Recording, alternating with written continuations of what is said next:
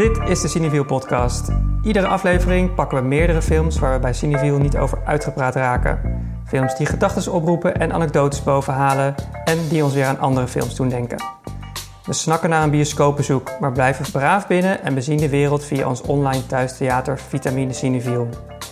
Deze keer kijken we naar The Rider uit 2017, Rocks uit 2019 en La Ultima Primavera uit 2020. Drie vitaminefilms waarin je uren kan turen naar de grens tussen feit en fictie. De acteurs in deze films zijn namelijk geen gevestigde namen, maar nieuwkomers. En ze kruipen niet in de huid van iemand anders, maar spelen een filmversie van de persoon die ze al zijn. In The Rider zien we de Amerikaanse cowboy Brady Gendreau in de rol van Amerikaanse cowboy. In Rocks speelt de Londense tiener Bookie Beckeray een Londense tiener. En in La Ultima Primavera maakt de Madrileense familie Gabade Mendoza zijn opwachting als de Madrileense familie Gabade Mendoza. We gaan het hebben over de makers die hen naar het witte doek haalden. Makers die scenario's schreven over het leven dat ze tegenkwamen en de wereld zien als een decor dat te mooi is om zomaar aan voorbij te gaan. Waarom zelf iets verzinnen als de werkelijkheid voor het grijpen ligt? En we hebben het over acteurs die zichzelf spelen. Als schapje, omdat ze al beroemd zijn, of omdat ze zich eindelijk gezien voelen. Mijn naam is Jesse Heines en ik ben redacteur van Cineviel. En bij mij aanwezig in de video room zijn mijn collega's Jente Buskus en Maan Milker. Welkom Jente en Maan. Hallo. Hallo. We hebben straks een fragmentenrondje met cameo's van beroemdheden die zichzelf spelen. Uh, vroeger was dat echt iets wat je alleen in films zag. Maar tegenwoordig kun je ook gewoon online voor een paar tientjes een cameo bestellen voor jezelf.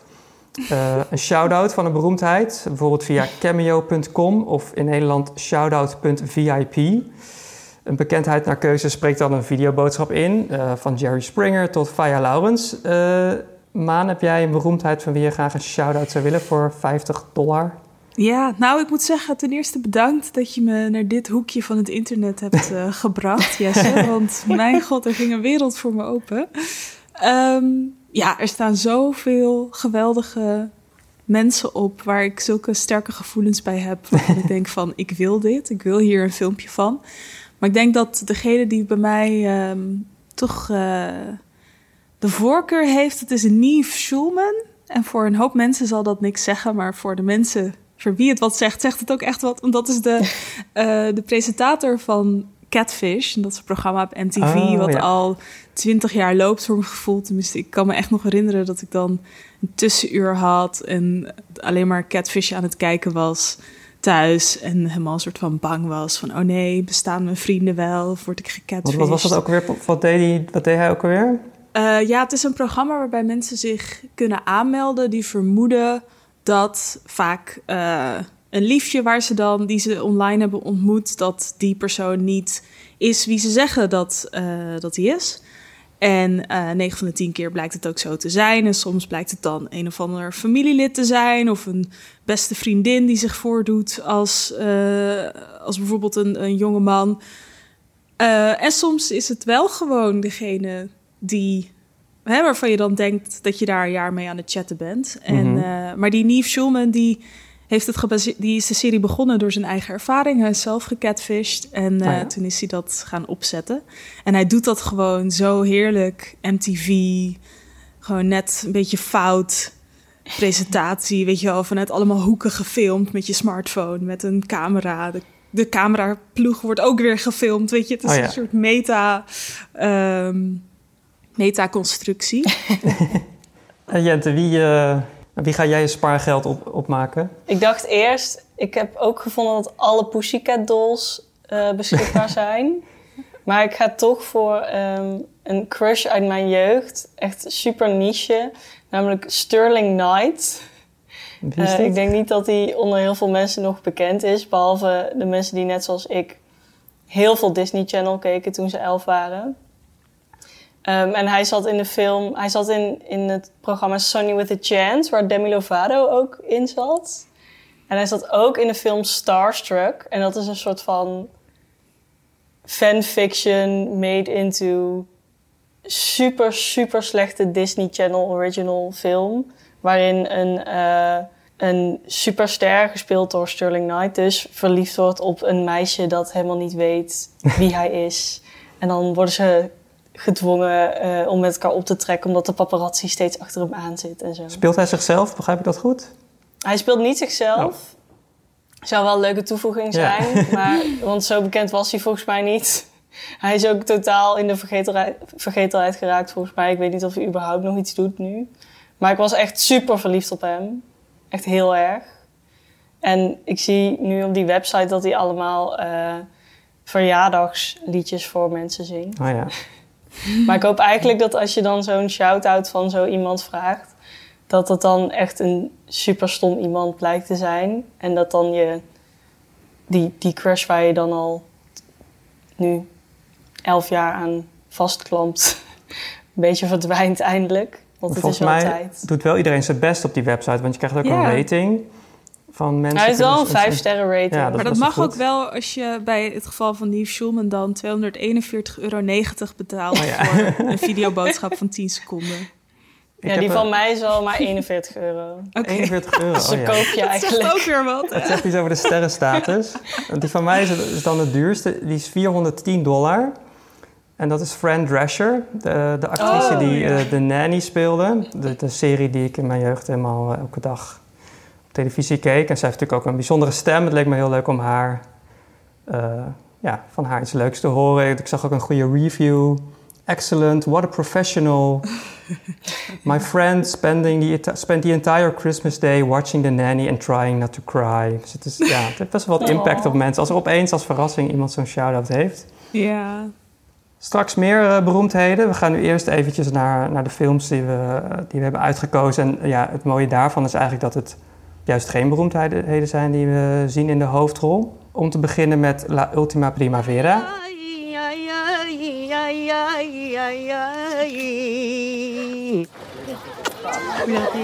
Para mis nietas, para mis nietos. Ay, para mis nietas, para mis nietos. Y para mi nuera, para tengo un poco más, un poco más un poco más.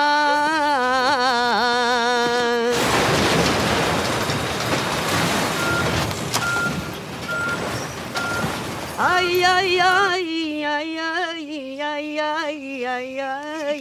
Jente, wat kun je vertellen over die film? Wie zien we daar? Ehm, ja, in La Ultima Primavera zien we eigenlijk een hele familie, inclusief aanhang.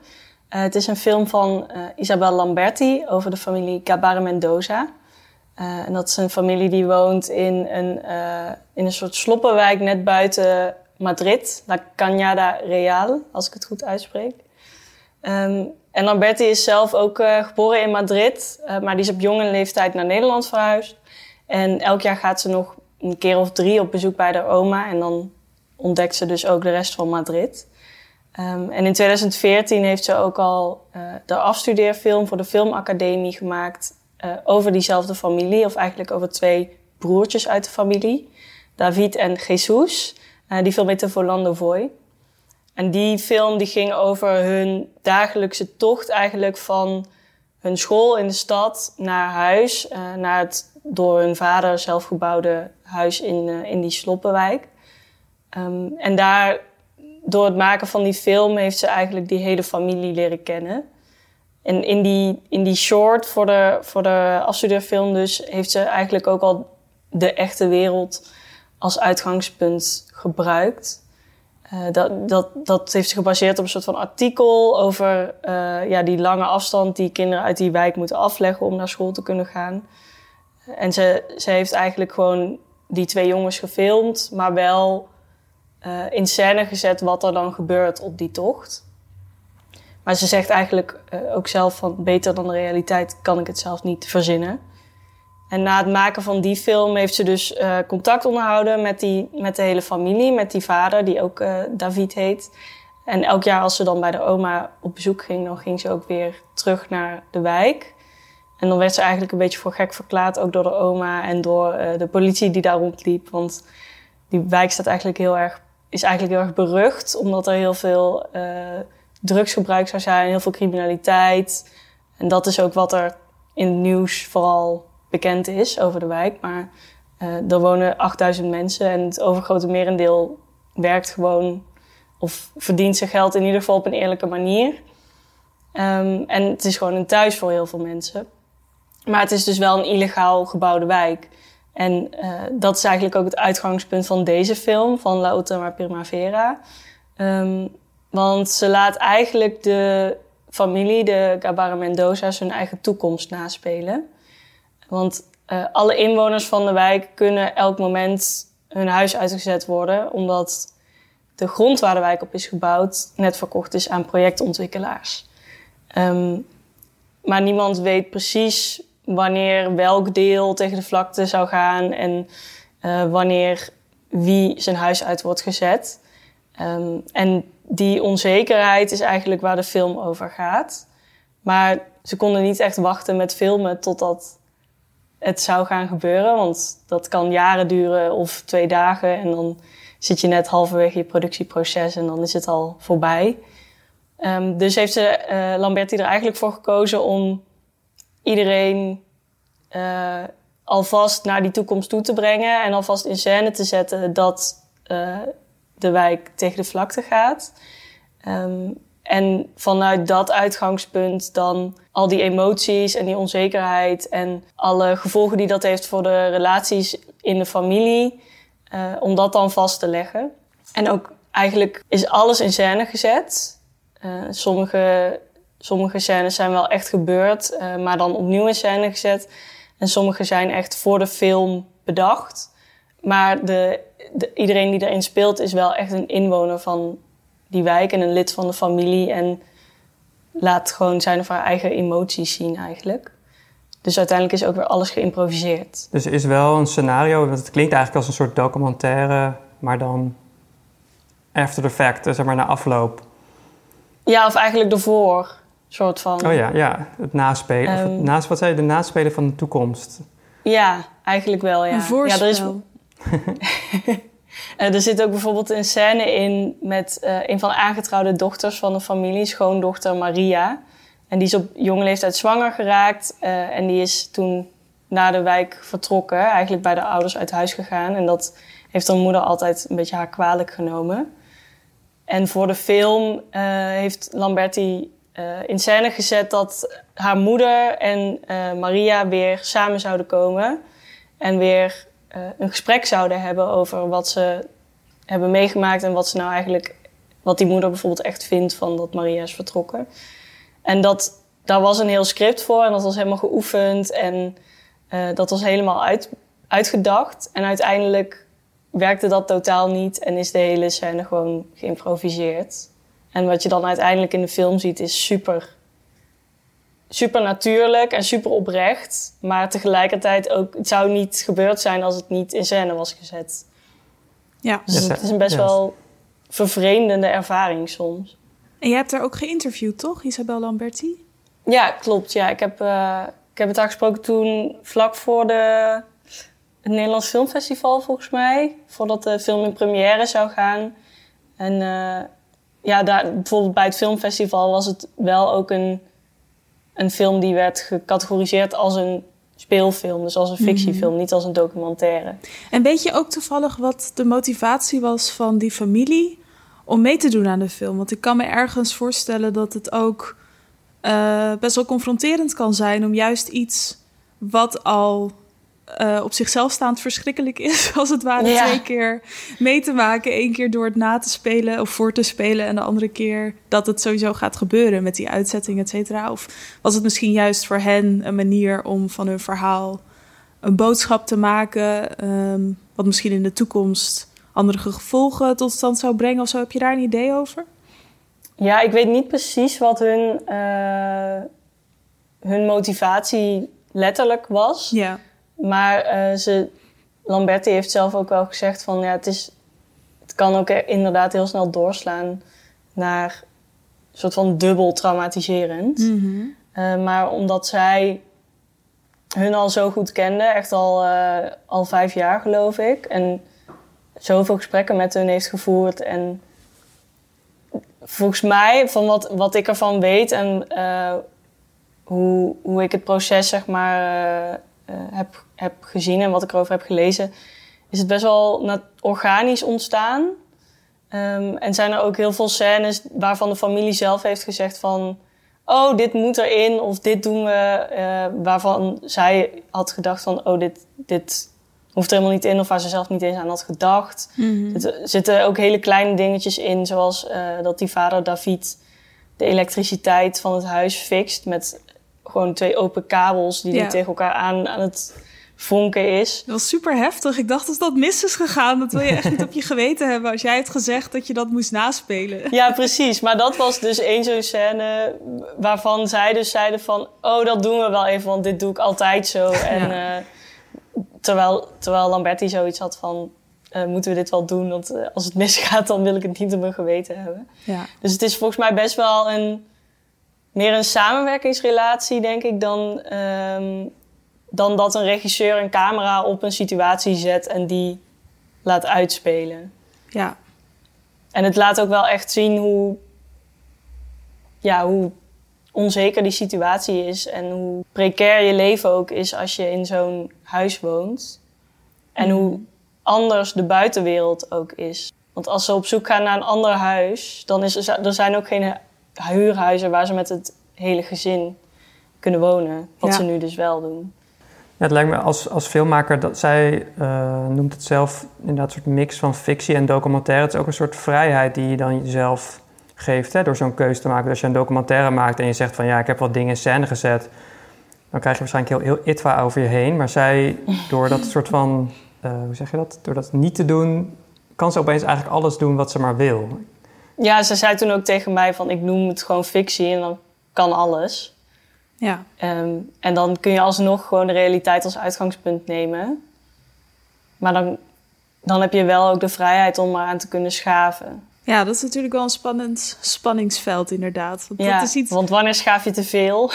Ja, daarin zou ik heel erg zenuwachtig worden. Hè? Dus je hebt heel veel mensen die bijvoorbeeld hun memoires door iemand anders laten schrijven. Of die instemmen om mee te werken aan een documentaire over hun leven. Of als onderdeel daarvan. En maar dan denk ik, er komt altijd, komt er met een botmes, komt er een editingproces, een montageproces. Waarin er toch hè, dingen, eh, misschien contexten wegvallen. Of dingen net zo geknipt worden voor een trailer of weet ik veel. En ik zou daar persoonlijk best wel zenuwachtig van worden. Maar aan de andere kant, als je ook weer zo'n goede relatie hebt opgebouwd met degene die dat doet, kan ik me ook weer voorstellen dat dat, ehm, ja, dat, dat het ook weer minder spannend maakt. Gewoon dat dat vertrouwen wel nodig is. Ja, ik denk dat het ook niet werkt als je, als je iemand net een week kent en dan denkt: ik ga jouw levensverhaal nu vertellen. Ja. Misschien ook na vijf jaar, soms niet. Dat hoor je ook vaak over, over regisseurs die de echt goede documentaires of, of fictiefilms of memoires maken. Dat die dan echt. Het grootste deel van het productieproces is eigenlijk werken aan die relatie. En daarna ga je pas iets maken. Ja. ja, dat heb je mooi gezegd. Is het denk je ook een kwestie van zeg maar, dit onderwerp, dat dit onderwerp specifiek vraagt om zo'n soort film? Aangezien ehm, ja, je kan wel dit gaan nabouwen of je kan wel mensen laten naspelen, maar hoe geloofwaardig is dat dan nog als je, als je het hebt over een groep die normaal gesproken in het nieuws alleen maar negatief wordt afgeschilderd? Ik heb ook het gevoel dat het vaak onderwerpen zijn, ja, kleine onderwerpen, onderwerpen die vergeten worden, die op deze manier eh, worden verteld. Ja, het zou denk ik ook heel erg cru voelen als je een, een shiny Hollywoodster eh in een nagebouwde sloppenwijk ergens in een studio eh, dit verhaal zou laten naspelen in een super neorealistische stijl, alsof het echt gebeurt, terwijl het echt gebeurt. Want het gebeurt wel, dus waarom zou je niet dan daar je camera op richten in plaats van het ja, een beetje proberen te polijsten, zodat het misschien, dan is het misschien wel wat makkelijker verteerbaar voor iedereen, maar dan is het niet oprecht. Of dan voelt het eerder alsof je eh, aan het cashen bent met een best wel traumatisch verhaal. Wat natuurlijk wel ook wel gebeurt. Ja, dat gebeurt ook. Maar tegelijkertijd krijgen wel de mensen om, om wie het gaat de mogelijkheid om hun eigen verhaal te vertellen. In plaats van dat je het bij ze weghaalt of zo.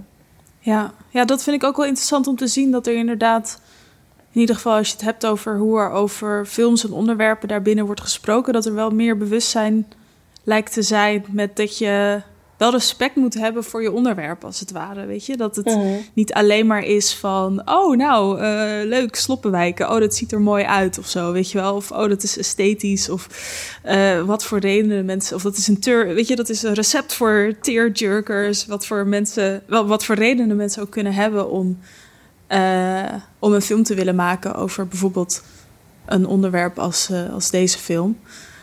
Eh, dat dat ook inderdaad niet echt helemaal meer is hoe dat. Hè? Je kan niet inderdaad op een filmfestival aankomen en dat zeggen. Dan krijg je daar echt wel kritische vragen Ja. over eh, uit het publiek. van hé, hoe zit dat eigenlijk? En dat zie je natuurlijk ook als het hè, om andere representatievraagstukken die veel breder liggen. Bijvoorbeeld kan je als man wel goed eh, het verhaal vertellen van mensen die geen man zijn, bijvoorbeeld. Weet je wel, als in gewoon dat soort hele basale vragen. Dat vind ik wel interessant. En dit is weer een soort uiterste daarvan. Als je het Mhm. hebt over representatie, weet je zo van: oké, we gaan gewoon ons eigen leven, ook al is het nog niet, heeft het nog niet plaatsgevonden op die manier, gaan we eh, ja, eigenlijk niet representeren, maar gewoon presenteren. Weet je wel, van dit is wie wij zijn en wat wij doen. En eh, ja, ik weet niet. Ik denk wel dat dat wel een verrijking is voor de filmindustrie. Als dat inderdaad zo grondig en zo met zoveel zorg wordt opgepakt, dat soort films. En dat dat echt een soort nieuw genre aan zich is, eh, ja, waarin de persoon waarom het gaat ook zelf spreekt. Zonder dat het per se een documentaire is. Ja. ja, ik denk ook wel dat dat een ja, bijna een verfrissende manier van werken is in de filmwereld. Terwijl je, je zou denken dat het redelijk voor de hand ligt. Maar volgens mij heeft het heel, is het heel lang niet bij filmmakers opgekomen dat je ook mensen kan betrekken in het maken van een film over hun ervaringen. In plaats van dat je alleen maar denkt: oh, dit is een super interessant verhaal, dit wil ik vertellen. Ik pak het verhaal en laat de rest achter en ik doe ermee wat ik wil. Dat, eh, ja, het is een super simpele manier van denken, maar het geeft zo'n andere perspectieven en zulke ja, films die veel meer intiem zijn of zo. Ja, iemand die dat dus ook eh, heel erg goed heeft gedaan is Chloe Zhao, regisseur van The Rider.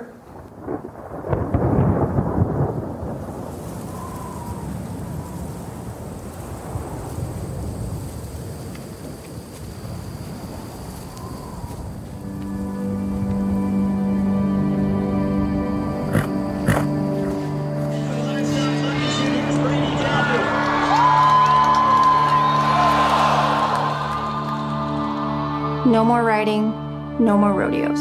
If you don't stop, your seizures are going to get worse.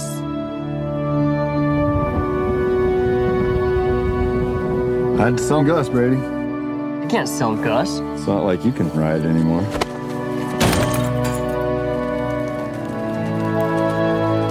You seen Lane? Remember when he went three for three in McCool Junction and won it? Yeah, that was a good night for Lane. The Rider is een film over een cowboy uit South Dakota. En de, de manier waarop Chloe Zhao hier aan is gekomen... en dit verhaal is eigenlijk gewoon door ergens te zijn en die cowboy te ontmoeten. Ze heeft heel lang eh, doorgebracht op de Pine Ridge Indian Reservation in South Dakota... voor haar vorige film, Songs My Brothers Taught Me uit 2015...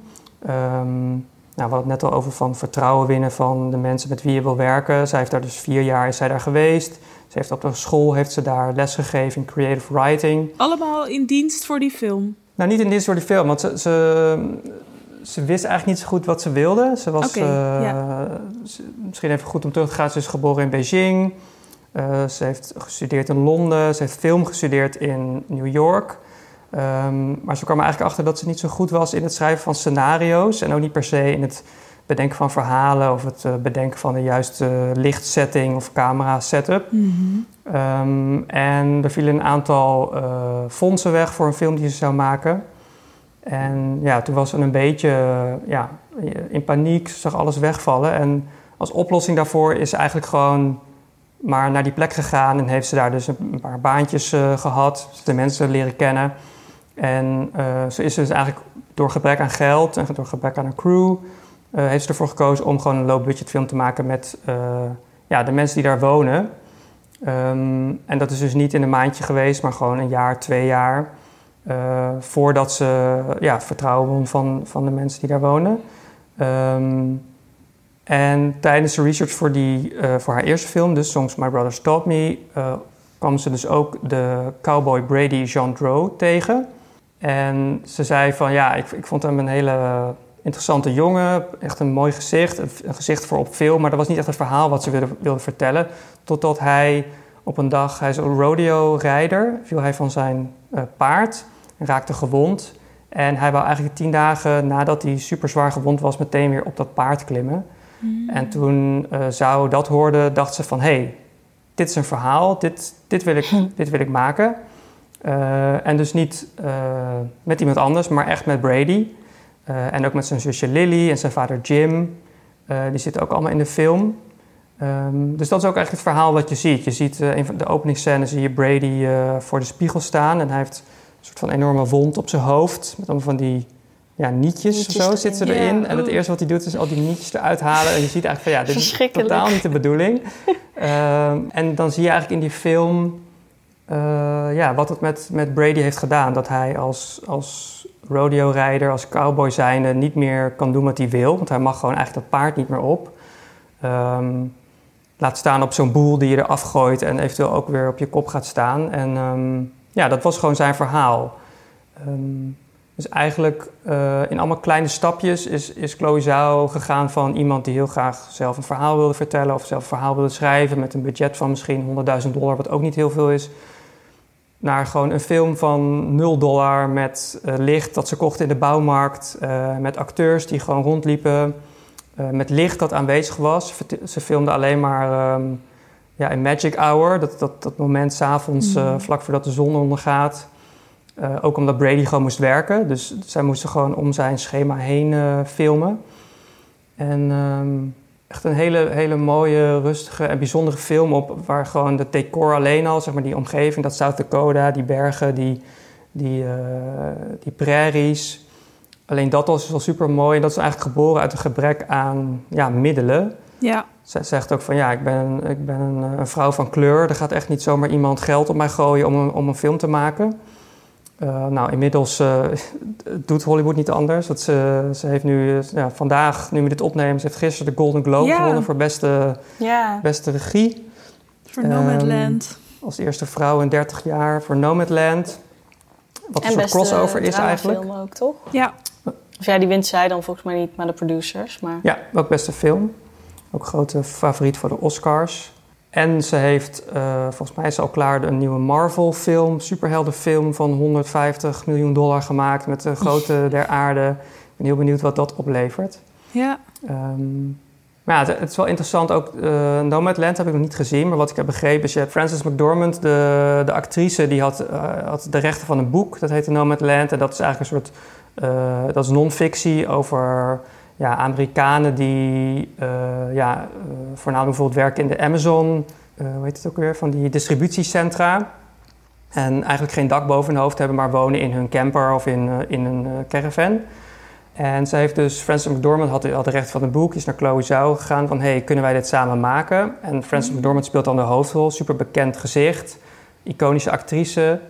Uh, en daaromheen heeft Zhao dan eigenlijk weer allemaal amateuracteurs uh, geregeld... die een soort versie van zichzelf spelen. Dus dat is een mooie hybride van, van aan de ene kant... Uh, ja, dus een, een non-fictie boek, een, een Hollywood-actrice in de hoofdrol... die een personage speelt dat niet bestaat. En daaromheen dus mensen die het echt zelf hebben meegemaakt.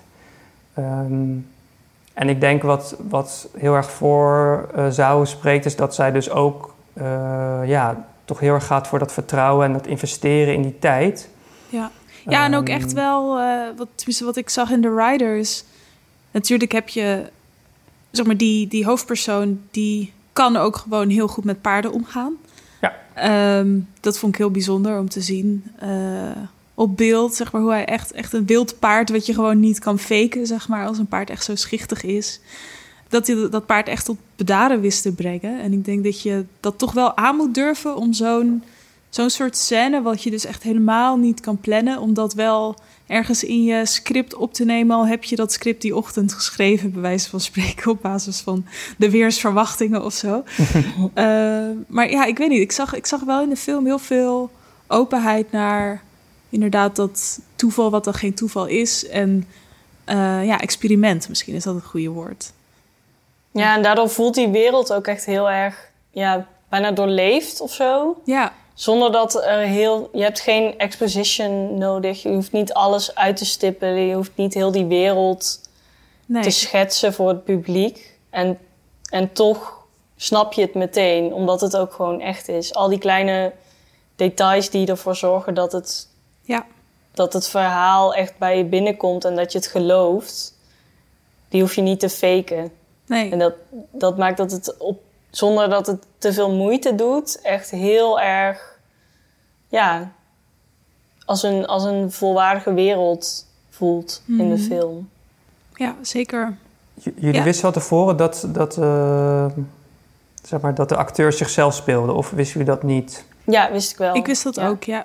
Ik ben benieuwd hoe je daar nou, zeg maar, ik, ik heb hem toen destijds eh, drie, vier jaar geleden op IFFR gezien en toen had ik eigenlijk geen idee, Mhm. totdat je dan die aftiteling ziet en dan zie je dus zo, zeg maar, die naam en dan, ja, Brady Chandro en dan Brady Blackburn en dan Lily Chandro is Lily Blackburn, zeg maar van, en denk je, huh, oh, huh, waar heb ik, dat, zeg maar, je hebt het eigenlijk helemaal niet door. Ja. En pas achteraf denk je van, oh ja, het waren natuurlijk wel... Want het gebeurt natuurlijk wel vaker dat je op een filmfestival naar een film gaat... en die acteurs ken je allemaal niet. Dat gebeurt wel eens. Het is, maar het is niet gek dat daar geen uh, hollywood Hashtag de IFFR experience. Ja.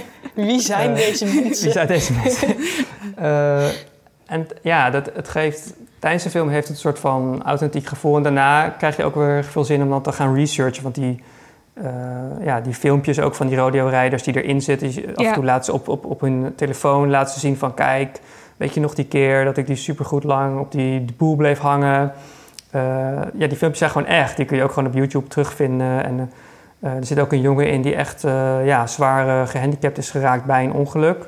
Nou, dat is ook echt een jongen met wie dat, bij wie dat echt is overkomen. En dan, ja, je krijgt ook een soort van extra laag nog na afloop. Dat je denkt van, oh ja, dit is gewoon, deze wereld bestaat echt, deze mensen bestaan echt. Eh, zonder dat je dus naar een documentaire hebt zitten kijken waarvan je voren al weet van, oh ja, dit is een soort van weergave van iets dat echt bestaat. Ja. Het is ook denk ik wel een kunst om met, met die mensen te werken zo- zonder dat, het, zonder dat je eigenlijk al na vijf minuten denkt, dit is een documentaire. Want iedereen speelt wel echt heel goed. Ja. Maar wel, ja, het zijn niet van die, van die Meryl Streep scènes wa- waarbij iedereen zeg maar zijn, zijn talent kan laten zien en eh, eh, die, die je een Oscar gaan opleveren of zo. Maar het is, je hebt niet het idee van, oh, ik zit naar een hele slechte acteur te kijken of... Ik, ik zou gewoon denken van al deze mensen hebben dit al eerder gedaan. Ik zat juist wel te fantaseren van dit, is dan, dit was dan zo'n lo- low-budget film, weet je, door een filmmaker die op dat moment niet heel erg bekend was. Eh, maar ik, ik zat juist tijdens het kijken van de film ook voor te stellen van hoe zou dat nou zijn als dit helemaal anders geframed was, weet je wel? Want gewoon qua kwaliteit, los van dat je soms wel kon zien dat het inderdaad niet met eh, een budget van eh 10 miljoen of zo is geschoten. Eh, zat, ja, vond ik juist wel dat het een film was die zo rond was. Zeg maar, het cirkeltje was zo rond als het ware.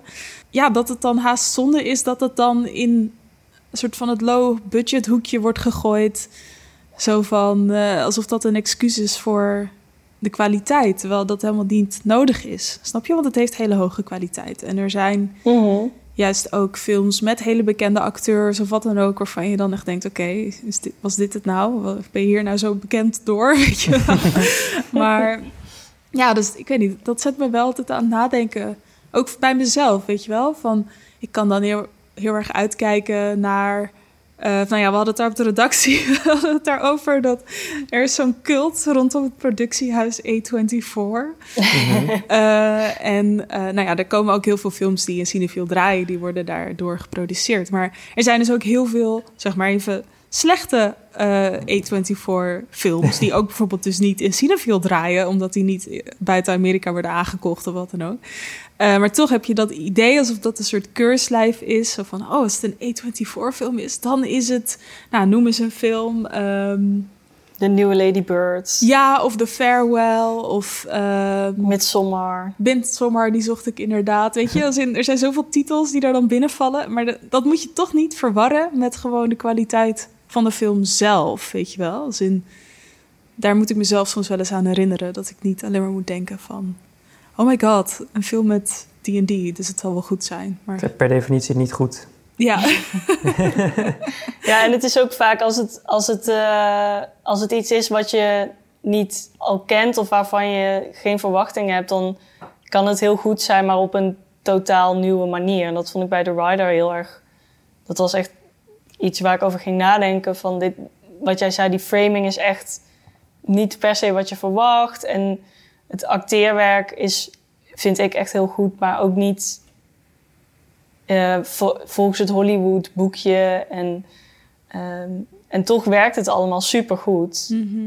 Omdat die beperkingen er dus zijn. En eh Chloe Zhao daar ook goed omheen kan werken of juist mee kan werken. Dat is wel goed voor je hersenen ook af en toe. Om een film zonder budget te kijken. Dan leer je ook weer dat niet alles gelikt hoeft te zijn. We gaan door naar ehm, ja, de films waar geld juist wel vaak een rol speelt. films met cameo's, met beroemdheden. Eh, ja, dat, die komen vaak in alle soorten en maten. Vaak als grapje. Ehm, Vaak kosten ze de helft van het hele budget. ja. Ze halen je soms ook een beetje uit de film. Dat je denkt, oh, huh? Er zit hier een beroemdheid in. Ik ben helemaal uit het verhaal. Ehm maar wel- welk fragment, welke cameo heb jij eh, meegenomen? Ik heb een fragmentje meegenomen uit Always Be My Maybe. Dat is een film uit 2019 van uh, Nachika Khan. En eh, het is geschreven door de comedians eh Ali Wong en Randall Park. En die zijn sowieso al heel grappig bij elkaar. En eigenlijk ook al is het één grote cameo... omdat zij ook gewoon als comedian, dus als zichzelf... heel erg bekend zijn. Ehm, en hun eigen Netflix-shows hebben en weet ik veel. Maar eh, daarin zit een cameo die ik heel erg grappig vind, namelijk van Keanu Reeves. Ehm, en ik weet niet of jullie dat ook hebben meegekregen, maar ja, in mijn hoofd is het wel ook echt een ding. Namelijk dat Keanu Reeves heeft een soort cult following, als in dat hij nooit ouder lijkt te worden. Hij is Ja. een soort van hetzelfde als in My Own Private Idaho of The Matrix. Weet je, hij is gewoon nooit veranderd. En ook dat hij een soort heel erg goed mens is. ik weet niet, met zijn John Wick films komt dat, weet je, heb ik dat beeld niet helemaal meer. Er waren gewoon heel veel memes van hem met hondjes, volgens mij. Ja, en dat hij heel sad op een bankje zit, een broodje te eten of zo. Maar dan is het niet echt sad, maar gewoon heel erg eh zen.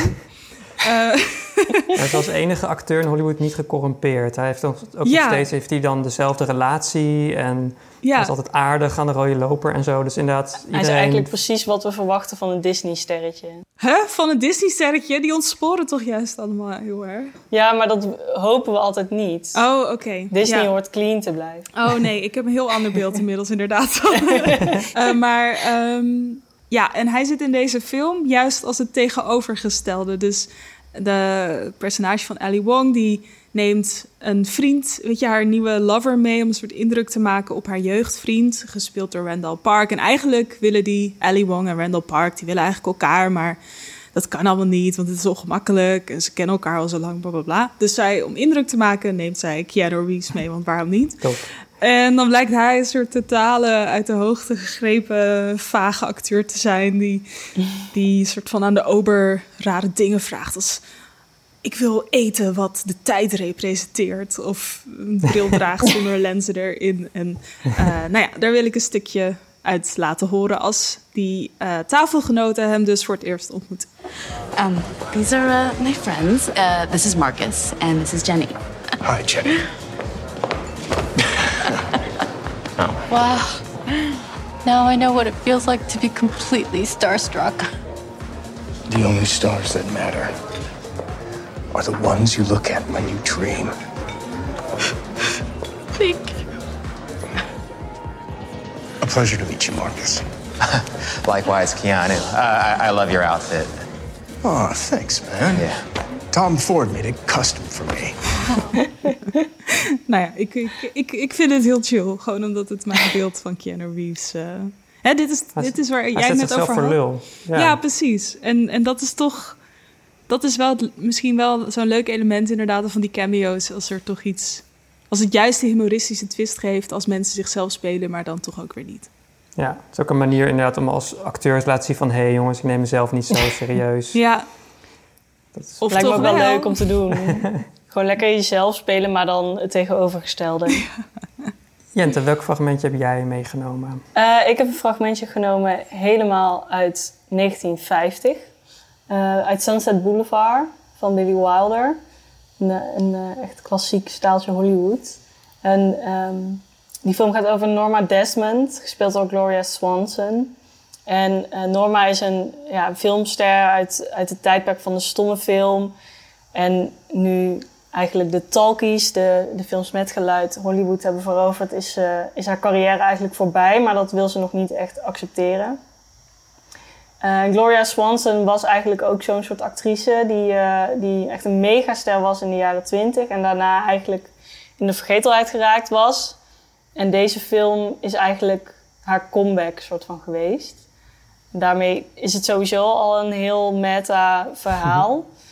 um, maar in deze scène uh, komt er nog een extra meta-laagje aan. Want uh, Norma is, uh, ja, die heeft een nogal slecht script geschreven. Waarmee ze denkt dat ze haar grote comeback gaat maken. En ze wil heel graag dat de grote Hollywood-regisseur Cecil B. DeMille... die echt heeft bestaan, um, die je misschien kent van de Ten Commandments... Uh, en zij wil dus dat die dat met haar gaat verfilmen. En dat is ook een regisseur met wie Gloria Swanson alweer heel veel heeft samengewerkt. Volgens mij echt zes keer. Um, en uh, Norma gaat hem dus bezoeken op de set van uh, een andere film. Om te vragen van, hey, hoe zit het nou? ga je mij weer mijn comeback geven? Want dan krijg je maar niet aan de lijn. En dat horen in dit fragmentje. Don't you want to come along, darling? I don't think so.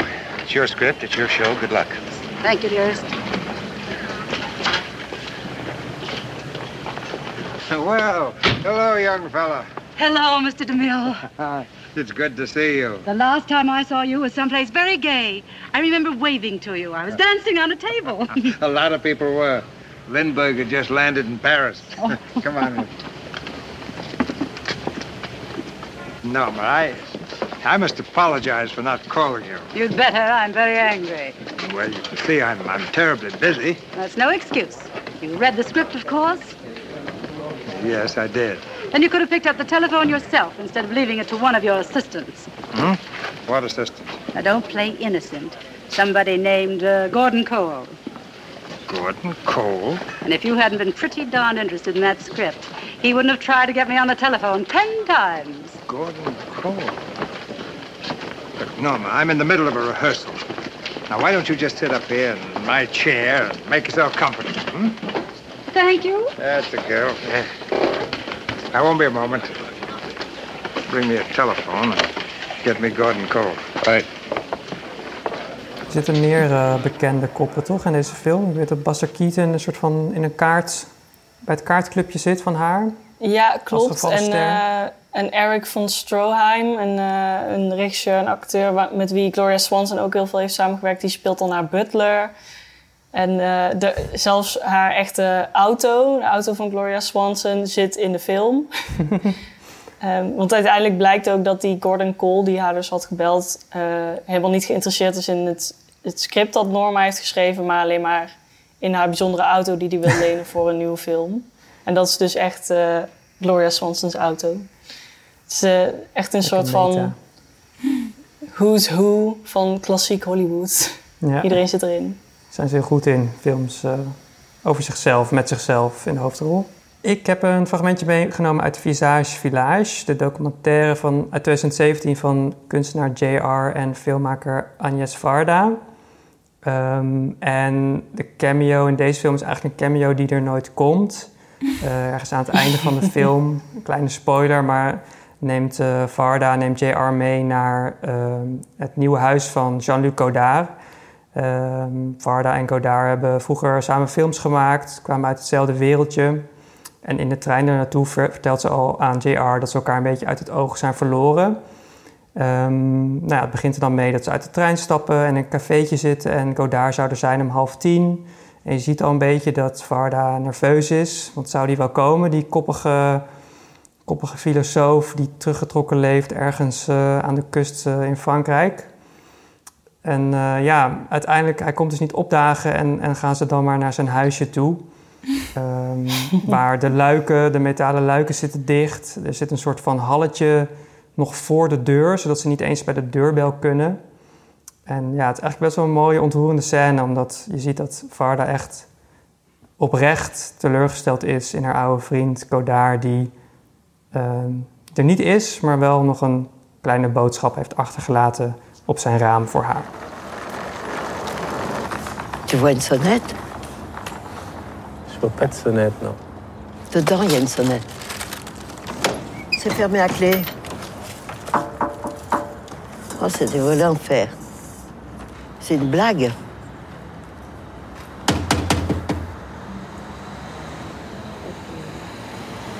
Jean-Luc Jean-Luc,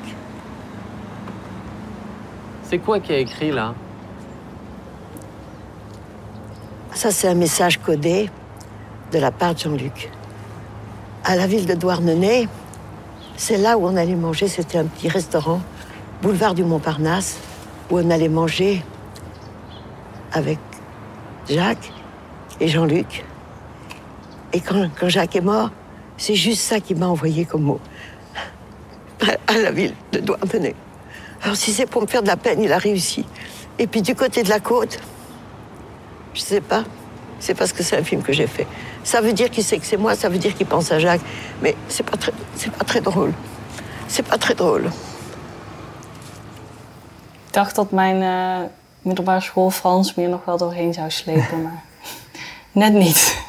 Wat, ze onder andere vertelt is dat hij, dus Godard heeft dus een berichtje op het raam geschreven en dat is weer een verwijzing naar haar overleden man, ehm, Jacques. En eh, ja, ze vindt het helemaal niet grappig wat, wat Godard hier heeft gedaan en ze zal eh, later zal ze nog een broodje voor hem halen en aan de deur hangen en ze schrijft nog een boodschap aan hem, aan haar, aan hem terug.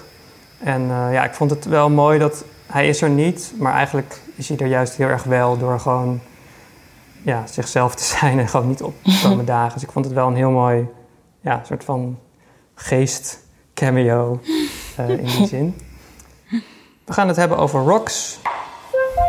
Yo, Samel! I'ma get my own rap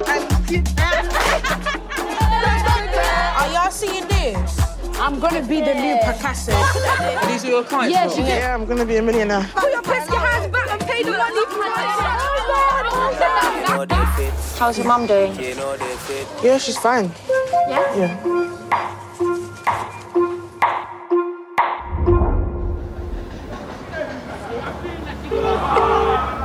Hi, I'm not here right now, so if you'd like to leave a message. Eh, Maan, wat kun je ons vertellen over rocks? Het is een beetje hetzelfde misschien als The Rider en La Ultima Primavera, maar toch ook anders.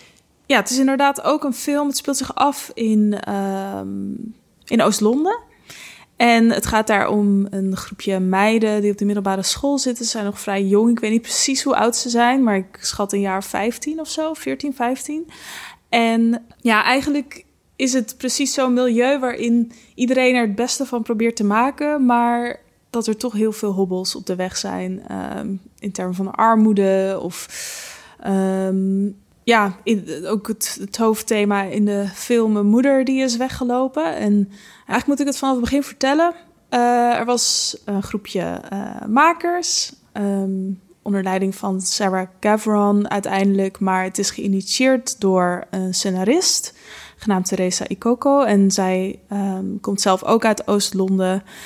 Ehm, maakt veel verhalen over ehm, mensen die eenzelfde achtergrond hebben zoals zij. En ze is zelf Brits-Nigeriaans. En ja, zij liep eigenlijk tegen heel veel institutionele muren op, om zo te zeggen. Dat ze zeiden van ja, waarom schrijf je het verhaal over zo'n meisje zoals jij? Wie zit er nou op te wachten? En altijd als ik dat lees, dan denk ik van wauw, zeggen mensen dit echt? Maar je hoort het inderdaad, weet je, net zoals bij Chlo- Chloe Zhao, je hoort het gewoon. Het is gewoon Mhm. echt zo. Ehm, dat mensen het gewoon zo blunt, bluntly zeggen. En toen heeft eh Theresa Okoko heeft eigenlijk, eh, ja, is- is in contact gekomen met Sarah Gavron, die juist een hele gevestigde filmregisseur is. Eigenlijk echt het tegenovergestelde. Ze komen allebei uit Londen, maar eh, Sarah Gavron komt uit een wit, eh, ja, soort middenklasse gezin. Goede opleiding gehad. ehm, heeft als tweede film uit mijn hoofd was het gelijk een knaller, Suffragette. ehm, met Carrie Mulligan in de hoofdrol en Helena Bonham Carter en Meryl Streep, om maar even... We hadden het net over Meryl, Meryl Streep. Dit was zo'n film.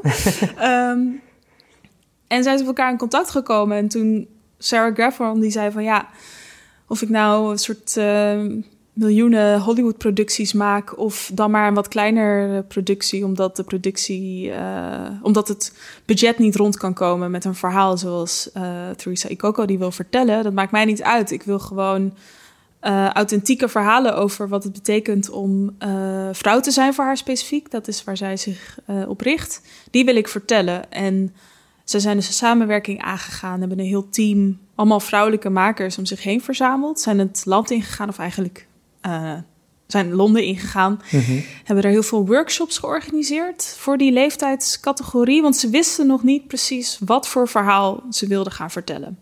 Het beginpunt was dus: uh, we, gaan deze, we weten dat we een film willen maken. We weten dat uh, Theresa Ikoko die gaat schrijven en dat Sarah Gavron die gaat regisseren. Maar voor de rest wisten ze eigenlijk nog heel weinig.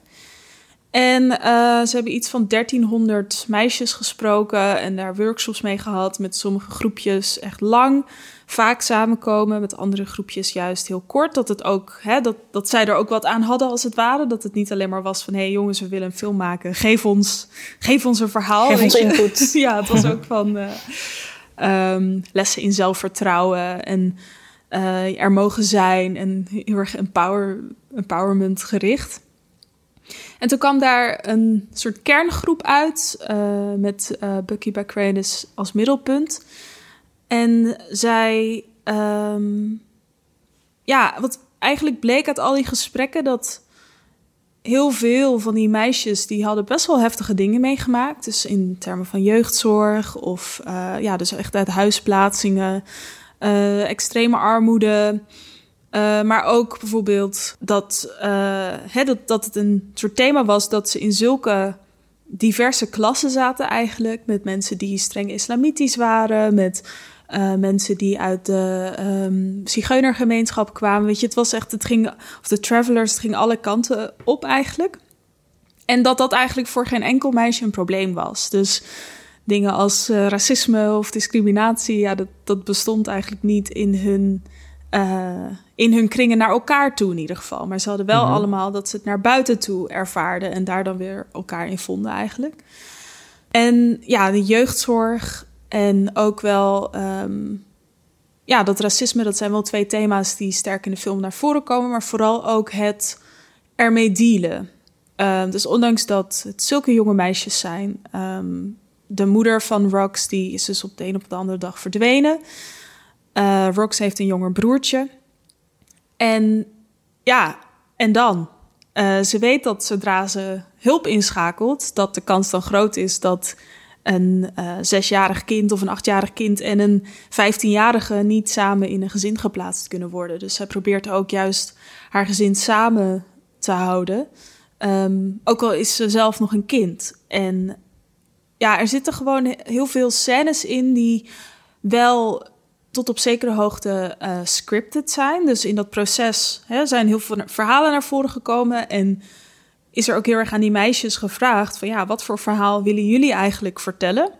En toen kwam eigenlijk toch, kwamen deze hele heftige verhalen toch wel naar voren, waarin ze zeiden van ja, dit maken wij gewoon mee en dit moet de wereld gewoon weten eigenlijk. Um, en toen is uh, Theresa Ikoko ermee aan de gang gegaan om dat toch een beetje gestroomlijnd um, ja, naar, naar buiten te krijgen. Want je kan je ook voorstellen als je een groepje hebt van tien pubermeisjes, dan komen daar de meest geweldige verhalen uit. Maar ook het verhalen die zo dramatisch zijn dat het misschien voor het gemiddelde publiek, uh, of zo dik aangezet, dat het voor het gemiddelde publiek een beetje moet worden bijgeschaafd. Um, ja, dus er was wel een script, maar eigenlijk was er ook heel veel ruimte voor improvisatie. Bijvoorbeeld in de keuze voor muziek. Weet je, wat voor muziek was voor hen uh, relevant voor die meiden, maar ook uh, spreektaal. Um, ja, daar, als we het hebben inderdaad over je eigen leven naspelen. En er zaten wel echt heftige scènes in hoor. Dat je mm -hmm. toch denkt van oké, okay, mm -hmm. dit is echt een jong meisje wat dit speelt. Dit is een jong jongetje wat dit speelt. Uh, dit zijn echt kinderen die dit maar wel even neerzetten. Op een manier waarop je dan toch hè, ze putten het ergens uit. En daar werd ik toch heel erg verdrietig van, dat eigenlijk. Ja. Dat zij dus genoeg hadden om uit te putten om dit zo overtuigend te brengen, eigenlijk. Ehm, ja, dus ik, ik heb ook eh, ja, tranen met het weer gehuild. het was weer zover. Ehm, En denk je dan van, eh, je zou deze... Want eh, kijk, als je, als je niet weet van tevoren dat, dat er zoveel research is gedaan, dat er zo Ja. lang... Dus volgens mij zijn ze een jaar zijn ze bezig geweest met workshops en zo. ja, ja, echt Je lang. kan ook denken van, oké, best wel heftig dat ze nu deze kinderen dit laten doen. Net als misschien de familie uit La Ultima Primavera van, ja, Mhm. wanneer, in welk, wanneer in welke positie ben je om dit van kinderen te vragen? Dat is Ja. natuurlijk ook iets wat... Aan de ene kant klinkt het echt super eh, zeg maar, positief van filmmakers die, die niet zomaar wat doen... of niet die zomaar een boek verfilmen of een ha- verhaal horen en denken... oké, gaan we even doen. Maar echt denken van, oké, we gaan nu een jaar lang eigenlijk luisteren... en we gaan input vragen, eindeloos veel input. Maar je kan ook denken van, ja, het is wel super heftig om die kids... dat opnieuw te laten Ja, leven. Nee, Is zeker. daar ook Ja. nog iets over gezegd? dan snap je opeens waarom ze in het huis Anubis en al die hele heftige Nederlandse jeugdseries, waarom het Allemaal altijd dertigers casten. zijn die 15-jarigen spelen. Nee, maar het, ehm, ja, wat ze daarover hebben gezegd, inderdaad. Ik, die vraag, ik, heb een, eh, ik heb wat interviews gelezen en ook eh, op IFFR, een terugkerend thema in onze podcast, hebben ze een, eh, een workshop gegeven. Ehm, dat was toen door eh, Sarah Gavron en Anu Hendrikes, die meer betrokken was bij het castingproces. En wat ze eigenlijk zeiden was dat ze echt niet hebben... Ze hebben geprobeerd om het verhaal niet te sturen. Dus alle thema's die zijn genoemd, alle dingen die zijn besproken... alle verhaallijntjes als het ware... Het enige wat ze daar dan aan zouden hebben gedaan... was het eerder een beetje afzwakken in plaats van aanzetten. En ehm, ja, dus omdat dit verhalen waren die voor die meiden echt speelden... ehm, ja, was het denk ik wel echt een ander verhaal dan... eh, hè, en ze daar zelf ook mee kwamen, was het iets anders Mhm. dan wanneer ze be- bij wijze van spreken naar een foster home gingen... om daar te vragen van, hey, wie wil deze rol spelen? Ja, Snap ja. je? Dus, maar alsnog, inderdaad, ik ben het totaal met je eens. Van, dit zoekt denk ik wel heel erg de grens op. Ook omdat het zo ehm, ja, performatief, eh, zoals ze dat noemen. Dus hè, als in dat je het niet alleen het spelen, het, het, dat, dat is ook iets op zichzelf staan, zeg maar. Dus het is niet gewoon van, oh, ik speel een rolletje.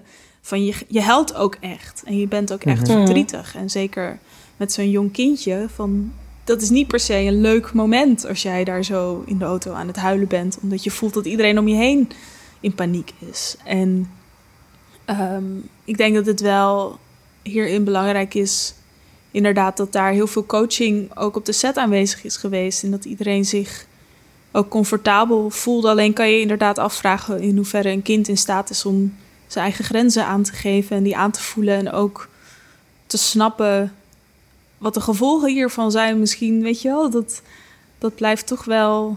ehm, ja, iets, iets, iets eh, dat blijft toch wel een spannend randje. Ja. In hoever je Ja. daarin kan gaan.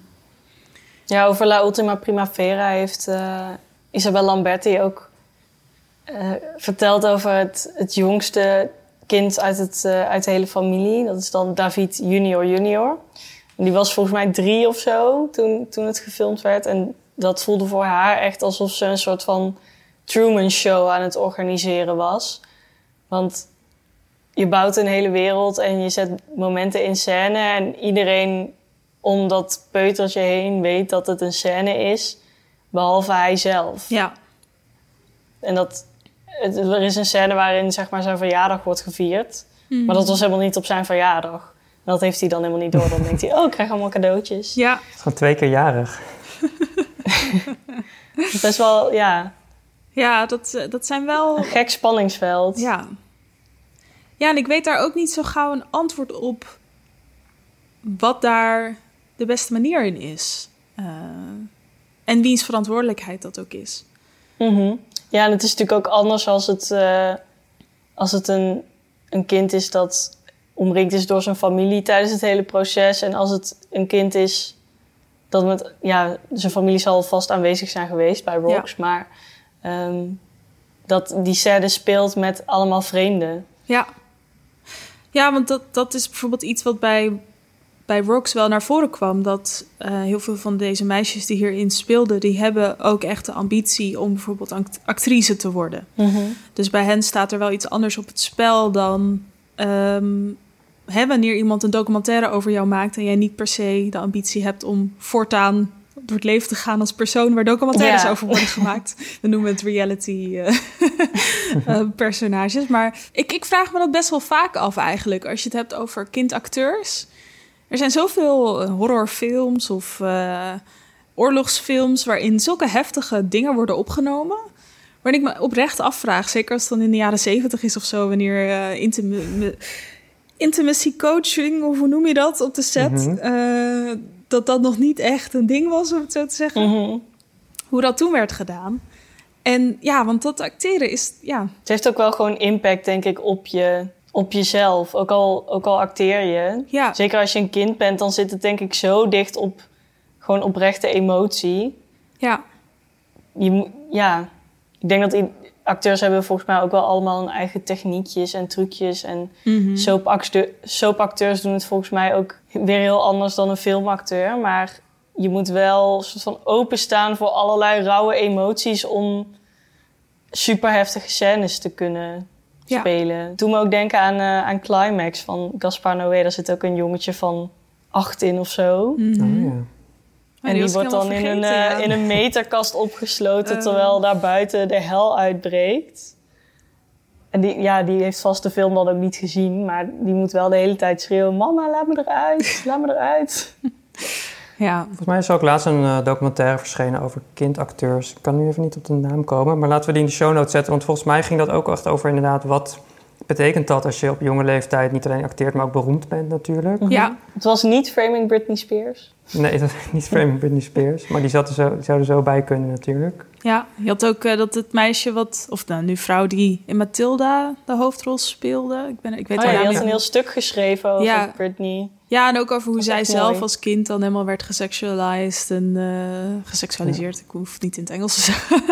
en eh, en brieven ontvang van, ontving van 50-jarige mannen die allemaal ongepaste dingen zeiden en zo. En eh, ja, dat is allemaal heel heftig. Maar ik, ik, ik zat toevallig afgelopen week, toen had ik gekeken naar een nieuwe documentaire serie. Het Zaad van Karbaat, een Nederlandse documentaire. Hebben jullie die toevallig gezien?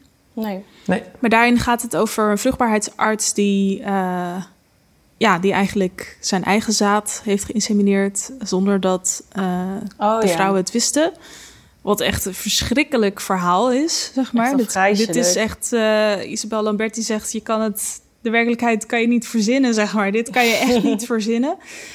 En wat ik daar in die film, of in die serie, hadden ze de eh, behandelkamer nagebouwd. Eh, gewoon echt eh, in, op een set, zeg maar. En lieten ze de vrouwen op die eh, behandelstoel, of hoe noem je dat, bed, liggen en daar het verhaal vertellen, zeg maar, in die setting. Een vrouw, een vrouw Oh, liep ook binnen en die zei van, oh, dit lijkt echt heel erg op toen. Toen dacht ik echt van, oeh, dit vind ik ook echt wel de grens opzoeken, hoor. Want als Mhm. iemand daar echt iets heel traumatisch heeft meegemaakt, want ze hadden het daarover dat ze ook ehm, ja, misbruikt zijn door die man. Dan vind ik dat nogal wat om dan te vragen van... oké, ga maar even op die plek waar dat is gebeurd. Ga daar maar even liggen om het eh, te vertellen aan ons, eh, de kijker Ja. thuis. Ja. Snap je? Als in, maar toch, ja, je, het kan wel of zo. Want mensen stemmen er ook mee in. Er zijn vast ook heel veel mensen geweest die niet hebben ingestemd met de documentaire bijvoorbeeld. Maar dan vraag je toch af van, hè, kan je dan spreken van helemaal een vrije wil eh, of niet? En we, hè? allemaal Ja. vragen krijg ik van dit thema. en ik weet geen antwoorden. antwoorden.